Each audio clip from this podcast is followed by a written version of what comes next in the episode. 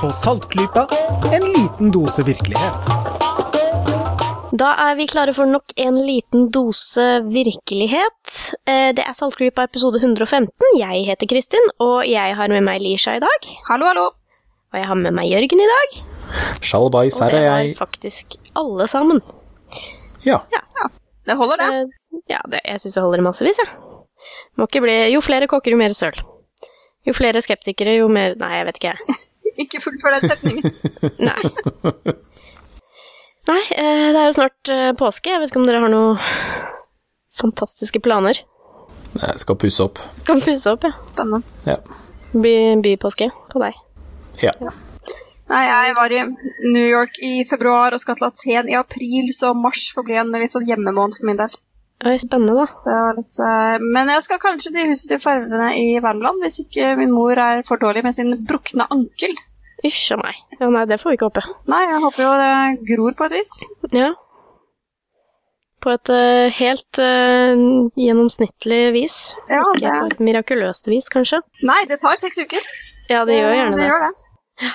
Jeg tror, jeg, jeg sier veldig, veldig veldig sjelden den setningen her, men jeg skal på en hytte i Boston. Wow. faktisk.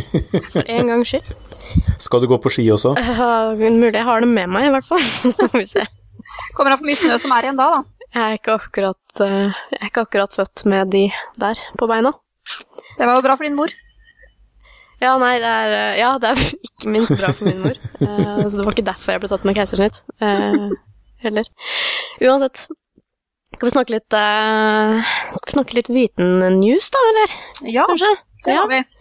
Jeg har et par, par nyhetssaker og ting som har skjedd denne uka her. For det, det har vært noen, noen, et par hendelser innen eh, vitenskapens verden. Eh, For det første så ble Abelprisen delt ut nå på mandag, var det vel. 14. mars. Og eh, jeg vet ikke om dere fulgte med noe særlig med på det? Har dessverre gått glipp av det i år. Ja, jeg ble ble påminte på Twitter. Er en av de få som faktisk fremdeles henger der. Um, og Abelprisen er jo eh, det som gjerne kalles matematikkens nobel av noen. Um, og oppkalt etter Nils Henrik Abel, kjent navn for de som studerer på Blindern, da han har et eh, hus av betydelig høyde oppkalt etter seg. Eh, Abels tårn kaller jo som kjent vår rikskringkaster eh, det huset. Eh, og prisen i år den gikk til en fyr ved navn Andrew Wiles. Og for en gangs skyld kan jeg faktisk skryte av å ha hørt om fyren. Wow. Du verden. han Det dreier seg da om noe som kalles for Fermats siste teorem, eller siste sats. En av de mest eh, berømte setningene eller teoremene i matematikken. Ja, Simon Singh har skrevet om det, og noe vi har intervjuet han om. Det, er, det har han. eh, og ikke bare har han skrevet om han og det teoremet, han har også regissert en dokumentar på BBC, Ah, faktisk. Veldig, veldig fin. Eh, og ehm, ja, jeg kan bare si det sånn kort. Altså, jeg er ikke matematiker i det hele tatt, så jeg skal ikke begynne liksom å forklare hvordan dette er bevist. Men eh, kan begynne med han som har gitt navnet sitt til dette her, da. Pierre de Fermat. En franskmann på 1600-tallet som eh, hadde en mattebok skrevet av en, en, en enda eldre fyr. Eh, og han skrev i margen på den matteboka at eh, jeg har funnet et skikkelig kult eh, bevis. Men eh, margen er for liten til at jeg har plass til å skrive. Det er ganske eplekjekt gjort, da. Eh, så det ble liksom ikke skrevet ned den gangen. Eh, så om han eh, snakket sant eller ikke, det, det vet jeg ikke. Men han påsto det, da. At han hadde beviset. Han, faktisk Ifølge Wikipedia så, så, så står det faktisk hva han skrev, og det er jo da på latin. Han skrev 'Cuius rei demonstratione mirabilem sane detexi, hanc marginis exiguitas non caperet'. For de som er gode i latin. Margen er altså ikke stor nok. Nei, og han skrev det heller ikke ned noe annet sted, da, som man kunne kanskje lurt på om han eh, Kanskje det hadde vært en idé? Men det Ja, gjorde han ikke, så vidt vi vet.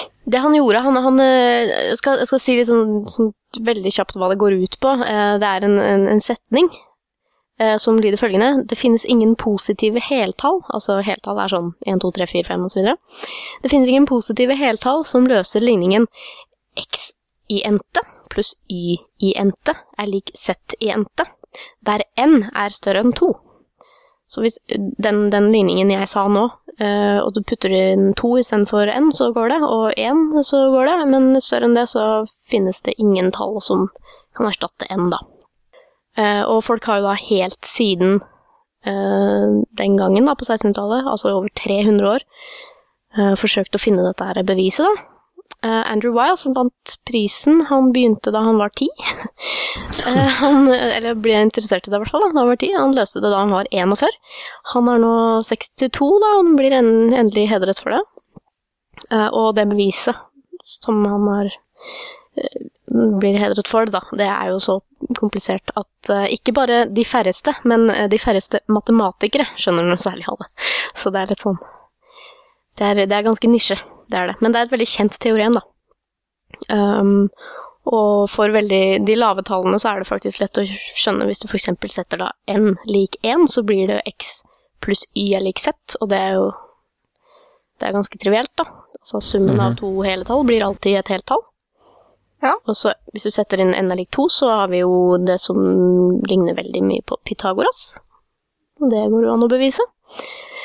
Uh, så er det da en uh, artikkel i nrk.no uh, på dette her, hvor min kjære matteforeleser fra første mattekurs på Blindern høsten 2002, hytte med stokken, han heter Arne B. Slettsjø. Han forklarer litt nærmere da om veien frem til beviset. så vi skal lenke til den. og så er det en liten nyansering også i denne artikkelen som som jeg ikke visste, faktisk. Og det står altså da For å bevise Fermats siste teorem, så var det to ingredienser som var nødvendige. Du må bevise det som heter Tanyama Shimura-formodningen. Og du måtte bevise Freys formodning om at bevis for Tanyama Shimura-formodningen også ville bevise Fermats siste teorem. Ha. Ja. Så det var altså eh, den ene av disse her som han, eh, som han eh, Wiles viste, da. Så det var liksom ikke begge de. Sånn er det. Ja. Eh, så som nevnt så er det jo da vår nære og personlige venn Simon Singh, eh, forfatter av en bok om dette her. Eh, og regissert dokumentaren på BBC Horizon. Den Vi linker til begge, tror jeg. Så jeg kjenner, jeg kjenner jeg, Den boka Jeg har jo selvfølgelig den boka, og jeg kjenner det er på tide å lese den. Jeg, jeg er en av de som har sånn to meter høye hauger med bøker som, jeg, som står i kø. Ah, ja. Mm. Ja. Men jeg kan anbefale filmen. Det kan jeg. Absolutt. Da får man litt mindre dårlig samvittighet for at man ikke har lest boka ennå. ja, bitte litt. Ok.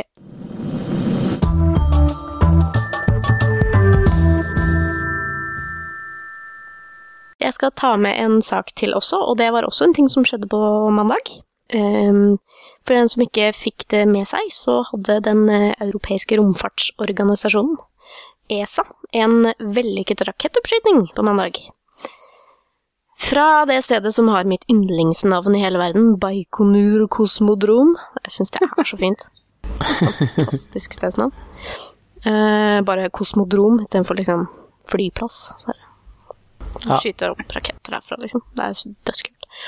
Eh, det er da en romferd som har fått navnet ExoMars, og det ligger jo litt i navnet, da, hvor de har tenkt seg. Det er da snakk om Europas nye æra innen Mars-utforskning. Eh, og der er det da, på den raketten som ble skutt opp, så er det både en eh, dings som skal gå i bane rundt Mars, og en sånn dings som skal lande på Mars. Og dingsen som skal gå i bane, heter Trace Gas Orbiter, eller TGO. Det er jeg prøvde å komme på et godt norsk ord for orbiter, men jeg kalte det bare da dings som går i bane. Uh, Trace Gas Orbiter. Og uh, den som skal lande, heter, den heter Schiaparelli Lander. Eh, så de vil ferdig, de vil være ferdig med turen sin da frem til mars, ca. midt i oktober. Og når den landeren har landa, så skal den ikke være sånn som skal krype rundt i flere måneder, sånn som disse her roverne og sånn. Det er en stasjonær sak. Uh, som um, som ikke skal gjøre annet, egentlig. Det er jo veldig viktig, da. Den skal uh, egentlig bare studere Håper å si teknikker for å lande på Mars. Og altså, meningen er at de skal forberede fremtidige ferder. Så Jaha. teknologi og, og litt sånn. Og så har den litt instrumenter også, selvfølgelig. da. Den, skal ha, den overlever noen få dager. Um, og den har en liten meteorologisk stasjon og litt kamera når den eh, Et lite kamera som den har eh, gående når den er på vei ned og sånn, da. Så litt vitenskap uh, blir det også. Men først og fremst da en slags forberedelse på fremtidige ferder. Og så har du denne her TGO, da. ehm, som også da skal fungere i fremtiden som en kommunikasjonssatellitt, men eh, den har en mer eh, også nå eh, vitenskapelig um, mission, kan man kanskje si. Misjon. Den skal da studere altså Trace Gas Orbiter, det er jo litt sånn bokstavelig dette her, da. den skal studere sporgasser. Altså gasser som det finnes bitte, bitte, bitte litt av i atmosfæren på Mars. Prøve å identifisere hvor det, dette kommer fra på overflaten, da. Eh, tidligere ferder har eh, påvist eh, en Altså en tilstedeværelse av metan på overflaten, og så er det veldig sånn Oi, kan dette ha organisk opphav, og så videre, ikke sant? Kan være det og kan være ikke det, selvfølgelig, men det er jo greit å prøve å finne ut mer om det. Og så skal den finne litt ut om andre typer sporgasser, da, sånn som aeros- aerosoler og vanndamp og ozon og sånne ting. Mm. Ehm, så det er, litt sånn, det er også litt sånn som jeg plutselig ble minnet på at å ja, ExoMars, shit, det, var, det hadde jeg nesten glemt, og så plutselig så var den skutt opp. Også på Twitter. Så det er, jeg syns Twitter er kjempenyttig fremdeles, jeg, til sånne ting. Ja, Twitter er vel fortsatt eh, hyppig i bruk, selv om du kanskje har mista litt av den der eh, hype-driven. Jeg bruker den til, eh, til en litt sånn derre aggregering av ting som har skjedd plutselig. Det syns jeg den fremdeles er meget nyttig til. Ja. Så det var egentlig det jeg hadde å si om eh, de siste få dagers hendelser. Jeg ja, det er fint at noen i hvert fall har fulgt med på nyhetene. Ja, nei, det popper opp, vet du. Sånne små Ja. nyheter. Ja, og du kommer selvsagt til å følge opp dette, slik at eh, om den finner noe spennende, så får vi høre om det i Saltklypa. Oh yes. Mars er gøy. Absolutt.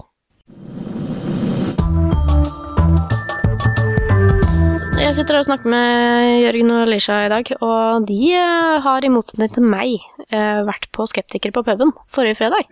Det har vi. Og der hadde vi jo eh, Jeg organiserte veldig mye, og så bare måtte jeg dra. Så det var litt sånn Jeg var litt redd for om det gikk bra eller ikke, men det virker som om alle lever, og, og, og vår spesielle gjest eh, kom seg vel eh, både frem og tilbake. Det er veldig godt å høre. Så jeg tenkte Ja. at dere skulle få lov til å fortelle litt om, om hvordan det var. Ja, nei, det var jo interessant. Det var eh, altså Edzard Ernst som var den eneste Var det professorat han hadde i ja, complementary medicine, Mm. eh, som de kaller det med et litt eh, lettere omskrevet begrep i Storbritannia. Eh, Han fortalte om egentlig sitt liv og sin karriere, eh, og dens ymse tilbakeslag. Og om ja, litt forskjellige merksnodige ting eh, som han har opplevd opp igjennom i forbindelse med at han har ikke kjempet mot alternativ medisin, men kjempet for vitenskapen ved å etter beste evne gå inn på hva er det som fungerer, hva er det som ikke fungerer, hvilken forskning finnes, og hva sier den forskningen. Men eh, motstanderen hans er vel kanskje av den oppfatning at han jo, han har kjempet mot alternativ medisin, eller? Ja, Altså, han gjør jo det nå, fordi han har forskningen i ryggen på at dette er tull. Men det han sa, da Vi har for så vidt bare hans ord for det her og nå, men uh, han gikk inn i den stillingen, det professoratet, med en ganske positiv holdning til eh, alternativ medisin. Han hadde selv bakgrunn fra et alternativt sykehus, hvor han var mektig imponert over hva de fikk til. Jeg syns det er så bra. Eh, Alternativt sykehus. Ja, ja, sånt finnes rundt omkring. Dette var i Tyskland.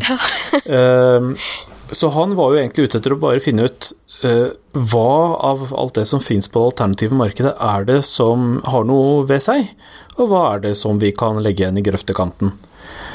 Og eh, det var vel noe som han vel hadde funnet ut at hadde noe for seg, men stort sett så er det ingenting, ja og, sånn og da er det viktig å skyte inn at dette her er jo Han er tysker som eh, Men eh, dette professoratet da, og hans, mye av hans karriere i denne forbindelse har vært i England. Uh, og i Storbritannia så er det jo slik at uh, NHS, altså The National Health Service, de dekker jo ganske mye ymsebehandlinger. Og det vil si skattepenger betaler for det. Og da er det faktisk ganske viktig å vite om man Først om det har noen effekt. eh, og for det andre, for har det ikke det, så skal selvfølgelig ikke skattebetaleren betale for det. Og også om det kan være rett og slett skadelig. Eh, han snakket ikke om homopati. Eh, denne gangen han brukte kiropraktikk som et eksempel, og der er det jo faktisk et visst antall dødsfall i forbindelse, faktisk dusinvis, i forbindelse med den behandlingen opp igjennom. Og det er klart at det skal ikke skattepenger brukes på, ting som faktisk kan få for folk permanent skade eller død. Eh, det Ja, der er det jo. Der er det jo ikke snakk om bare voksne folk heller. Det er jo snakk om spedbarn osv. Ja, det er jo type sånne ting som kolikk og astma og sånne barneplager, da, som de ofte mener at uh, denne behandlingsmetoden kan være virksom mot. Og det er klart, det er også veldig alvorlig. Mm. Ja, altså han Det er jo en del eh, medisiner, altså innen standardmedisin, som er farlige. Som eh, har kraftige bivirkninger, og man er ikke alltid helt sikker på om eh, medisinen er noe bedre enn det den skal kurere. Men det er jo spesielle tilfeller, og det man alltid må vurdere, er jo øh, om øh, virkningen ja, ja kost-nytte-ratioen. Altså om, om virkningen er trolig så bra at det veier opp for eh, ulempene og farene ved medisinen. Og når det gjelder f.eks. kiropraktikk, da, som han var primært snakka om eh, på det treffet, så, eh, så er det så godt som ingen dokumentert effekt. Men det er altså en del øh, ordentlige skader som har oppstått, inkludert dødsfall. Mm. Vi lenket jo også til en uh, artikkel i forrige episode som eh, gikk på det der med Ja, hva skal jeg si? Hvor, eh, hvor virksomt homopati har vist seg å være. For han Ja. har jo skrevet ganske mye om det. eh, kommenterte på det at eh, det var en ny studie, og det var virksomt mot null av eh, 68 sykdommer som var gjennomgått i masse, masse studier. Um, og i forbindelse med mm, besøket hans i Oslo, så fikk vi han også til å få inn en kronikk i Aftenposten. Kjempekult. Du fikk til det. Eh, og eh, ja, den, eh, den har fått et svar nå. Ja, Der har Hva er det? Homopatiforbundets leder. eh, ja Tore Tore Fosso. har skrevet et svar. Er det noen som har lyst til å oppsummere det? Nei, ja eh, Det er eh, altså en, av våre søsterpodkaster fra USA, eh, Skeptics Guide to Universe, har jo eh, eh, en, et eget lite innslag om eh, Name That Fallacy. Ja. Altså Name that logical fallacy. Ja. Eh, denne artikkelen er egnet for den typen lek. Ja. Finn logiske brister eh, i den artikkelen her. De kommer på rekke og rad, akkurat som du forventer. Ja, Pluss en del direkte løgner. Um, eventuelt at de rett og slett ikke har sjekka opp hva de snakker om. Sånn som en påstand om at hvem som helst kan kalle seg professor. Oi! Mens eh, homeopater derimot um, Ja. Ja, det var litt sånn eh, fine stråmenn og sånn innimellom og ja. Ja. At, at, at, eh, at de som er vitenskapelig anlagte, de er jo fanatisk opptatt av eh, at folk må velge kjemisk medisin, står det. Nei Så, og, og de på sin side er opptatt fanatisk igjen da, av at syke mennesker blir friske. Det er jo ikke det, det, det blir på en måte stilt litt sånn mot hverandre, sånn at det er underforstått at leger og sånn ikke er opptatt av at syke mennesker blir friske. For eksempel. Der har du en logisk brist. Sammenligne ulike ting. Uh, og det er uh, appell til popularitet, og det er uh, Ja, det er mye tull her. Det er morsomt å lese. Morsomt Rett og slett fordi det er tull. Hvordan er kommentarfeltet her da, tro? Eh, sist jeg var inne og sjekka før opptak her, så var det veldig hyggelig. Ja, var det Eh, ja? det er nesten bare skeptikere eller andre som er godt innforstått med homopati, som har vært inne og kommentert. Ja, det er jo bare skeptikere som gidder å følge med på sånne saker. Det er det. Det er vel én eller to som driver og forsvarer homopati her, men de får godt gått med skyts mot seg, gitt. ja. Nei, men så bra. Ja. Jeg hørte rykter om at eh, dere fikk eh, intervju med Et lite intervju, i hvert fall, med Edzard Ernst også. Ja, vi, etter eh, foredraget så tok vi en liten runde, så vi har et kvarter med litt intervju. Ja. Men det, det ble ikke så mye lenger fordi vi var ikke helt i toppform, noen av oss to, og så var det ikke gode forhold eh, for å ta et intervju, så vi må egentlig be litt om unnskyldning for lydkvaliteten på dette intervjuet. Da. Det, det var ikke noe optimalt sted, så det var veldig vanskelig å få den delen av det så bra. Sånn er det når man er ute i felten på en fredagskveld. Er det ikke det? Ja, men, eh, men det er helt greit. Jeg tror dere overlever å høre et kvarter av det Ja, før det vi kommer tilbake med anbefalinger og annet. Men da syns jeg vi eh, kjører det. Ja, da hopper vi inn i intervjuet på et tidspunkt der eh, Lisha vil ha Ernsts kommentarer på en kommentar i kommentarfeltet på den innlegget han hadde i Aftenposten. Ja, Eh. Ja, så vi hopper inn der eh, vi får eh, Elisha presentere sin oversettelse til engelsk av denne norske kommentaren.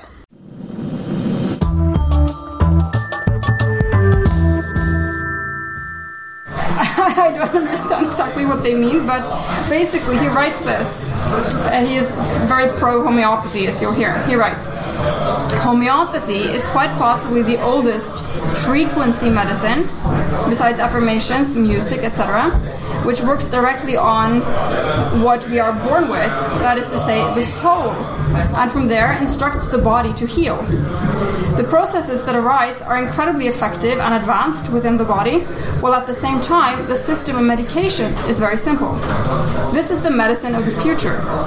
These processes are described in quantum physics and are 4D.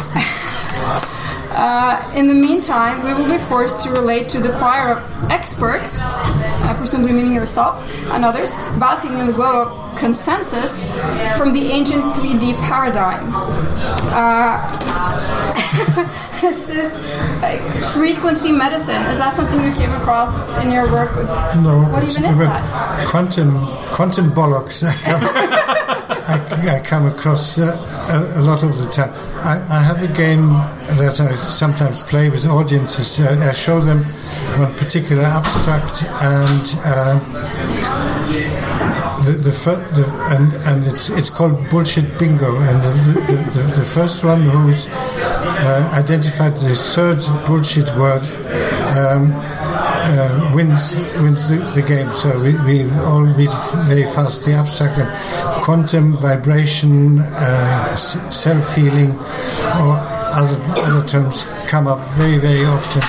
And it's a fun game. Uh, it's it's very amusing, but it has absolutely nothing to do with reality. This this guy comes from a different planet, and nobody can understand him. Not even his friends. Uh, he, he- he's he's alone. He, he's an alien. I felt when I read this. That this is just coming from. I don't even understand where this is coming from. Like these processes are described in quantum physics. It's just a sentence that is just devoid of meaning.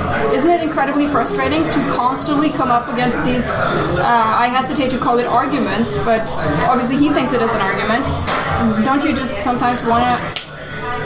Yes, sometimes one gets a little bit impatient, but most of the time one has to see the fun of it, and and and also one has has to see that uh, non-arguments, and these are non-arguments, are similar to personal attacks uh, in the way that they uh, bear witness to to one important fact: the the person who uses such stuff has one of, out of real arguments, and and that means one has won.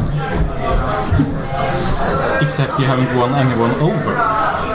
No, you, you, you, you cannot you cannot convince the Pope that religion is nonsense. But you may have won someone over because if someone, I think, if someone who is reasonably rational and clear thinking reads your article, and then this comment, they're going to be probably feel that you uh, come off as uh, the most sensible person in this exchange. Yeah, yeah, that, that's another point. And I often make it on my blog in the discussion section. Uh, I advise somebody th- that they should stop commenting uh, because they are paid by Big Pharma in, in order uh, to uh, make, make fun at homeopathy or whatever they are talking about. Because if, if, you, you, if you would pay these people, they, they couldn't be more destructive to their own cause than they already are. I mean, people who are in favor of homeopathy, but their arguments are so bad that Yeah. they sort of push people That's, to the other that's, side. what, yeah. that's what I mean. But you say that the believers in uh, uh, CAM are so religious sometimes that you can't convince them.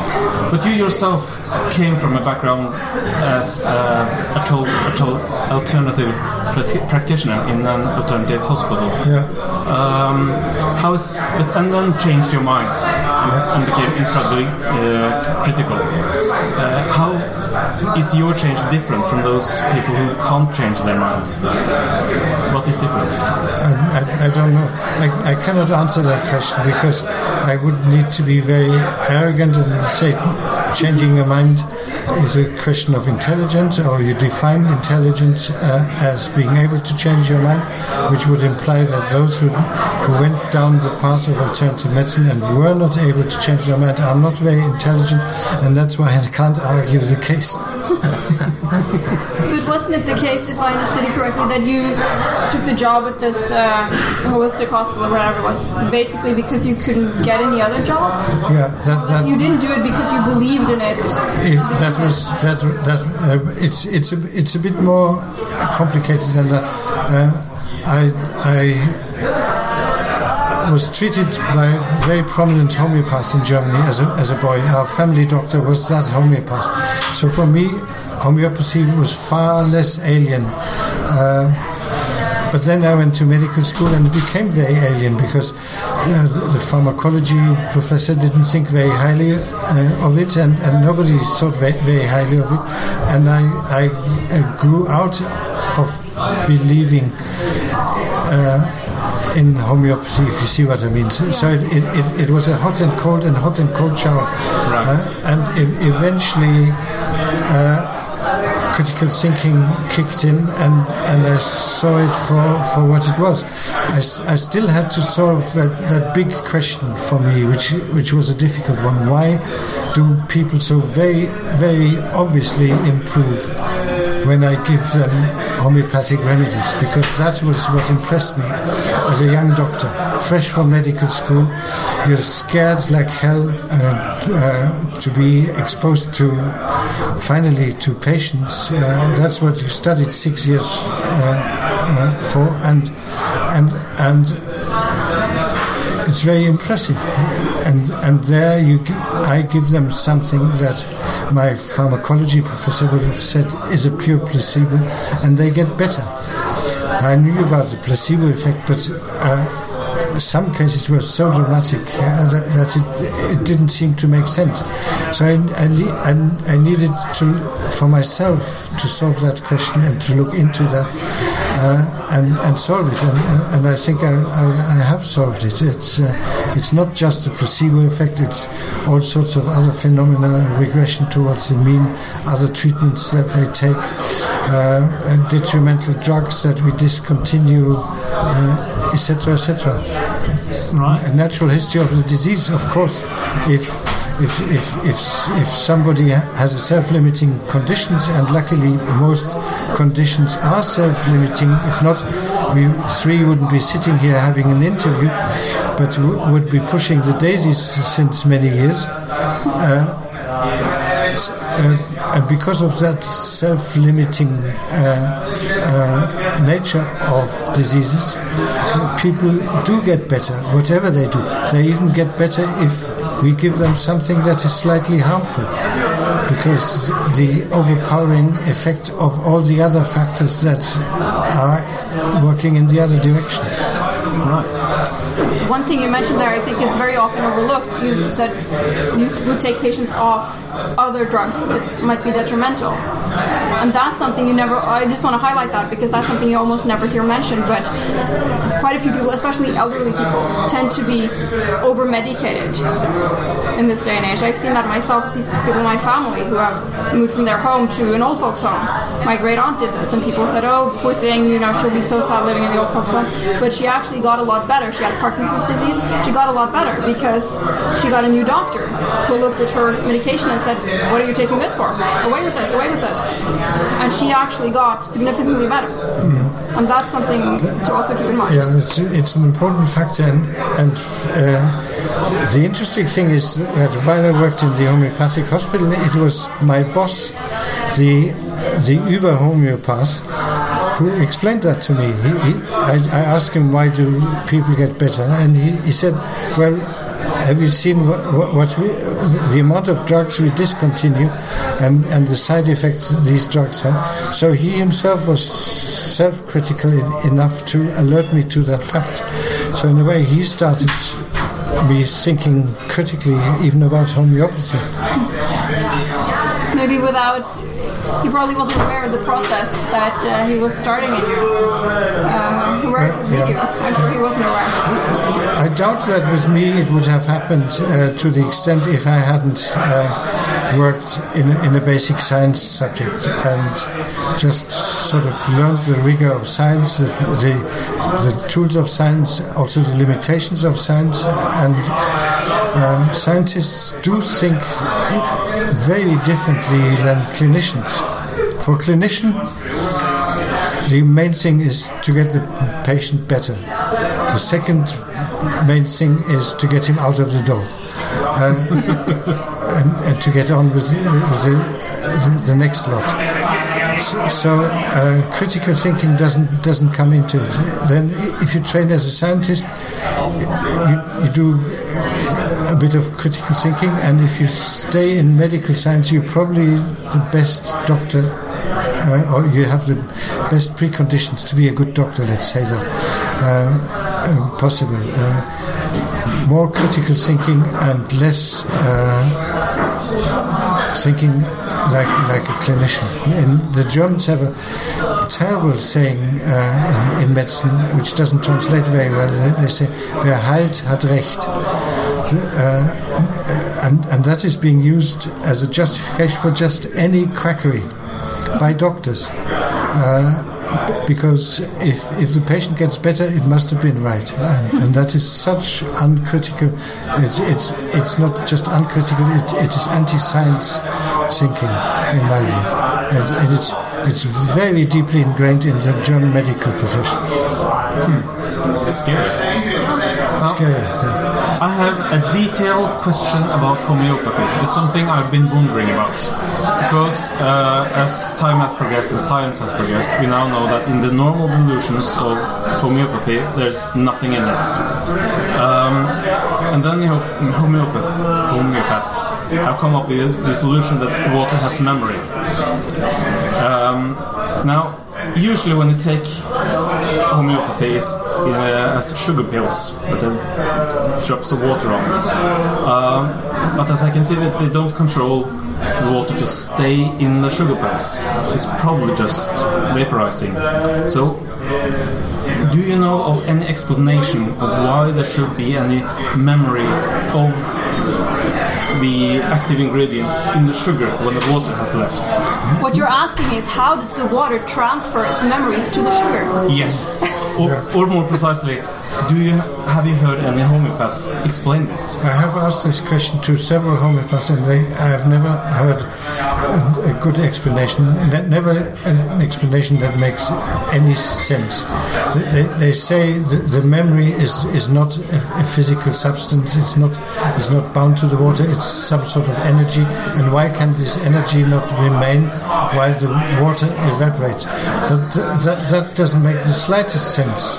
If, if you speak of energy, you, you, speak of something, uh, it, it, uh, something that has a meaning, and, and, and you cannot just have the cake and eat it. You cannot turn it both ways. Uh, and, and this is precisely the question that I have asked myself very often, and homeopaths uh, avoid it. And if you ask it, they, they look blank first, and finally, when they get it, uh, they don't answer it properly.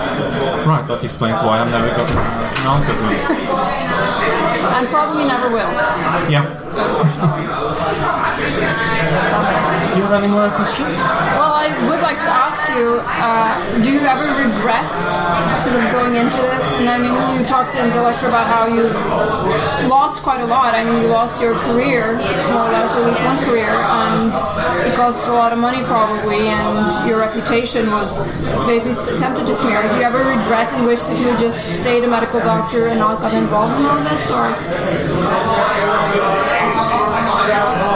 I'm, I'm not a person that uh, who, who regrets a lot of things.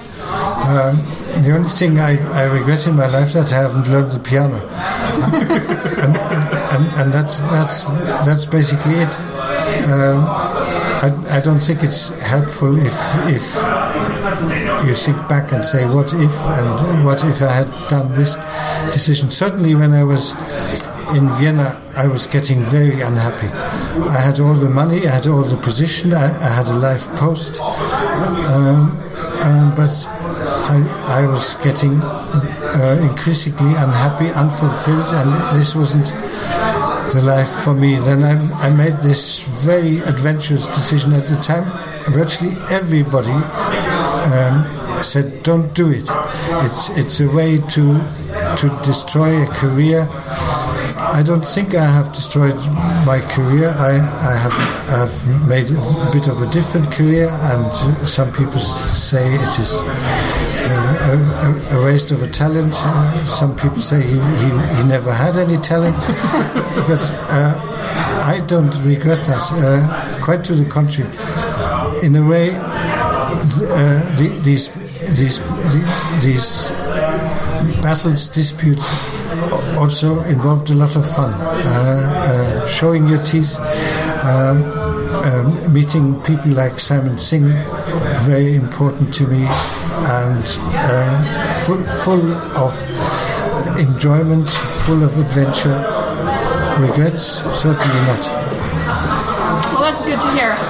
I think it's been uh, time well spent. It's very interesting uh, hearing you talk. Thank you. Thank you very much. Yes, thank you so much.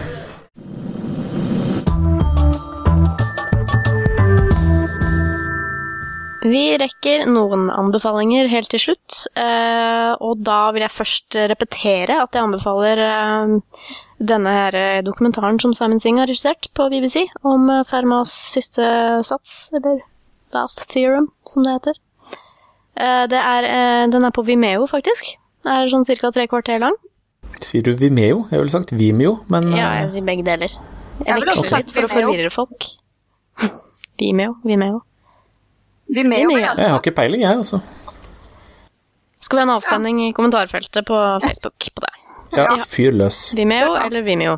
Eh, så det er, min det er min første anbefaling. Eh, og jeg vil eh, driste meg til å anbefale boka også, selv om jeg stort sett har lest bakpå. Men jeg vet ikke noe.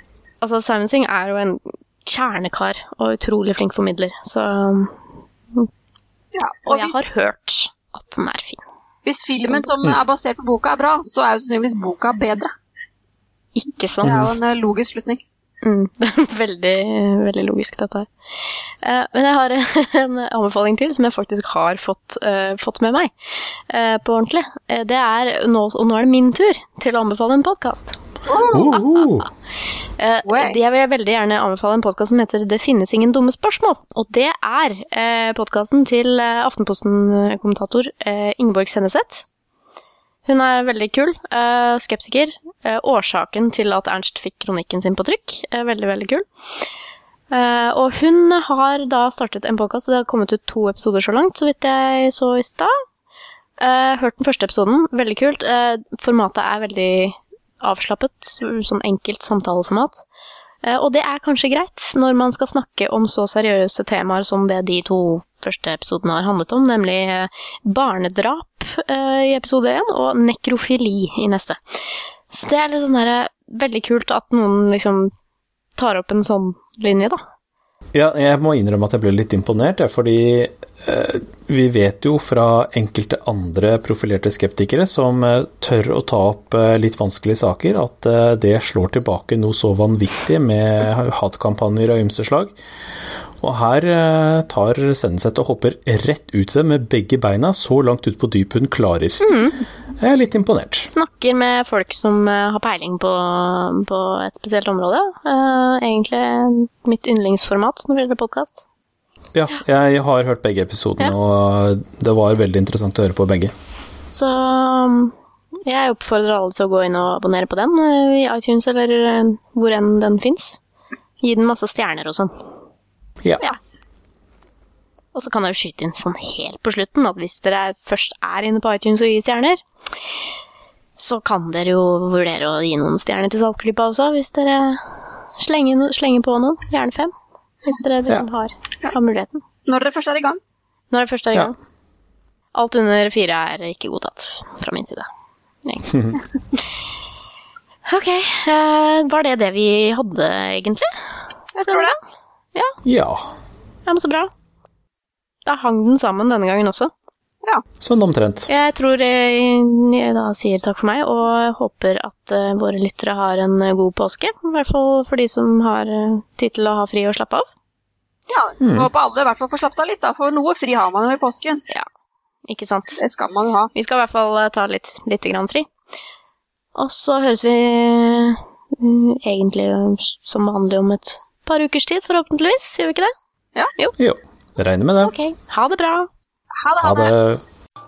Saltklypa lages av Kristin Lisha, Jørgen og Bendik. Har du spørsmål, anbefalinger, ris eller ros, send det til post at saltklypa.no, eller finn oss på Facebook.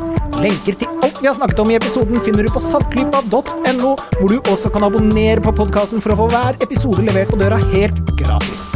Takk til Smart 9000 fra Evig poesi som har laget kjenningsmelodien vår.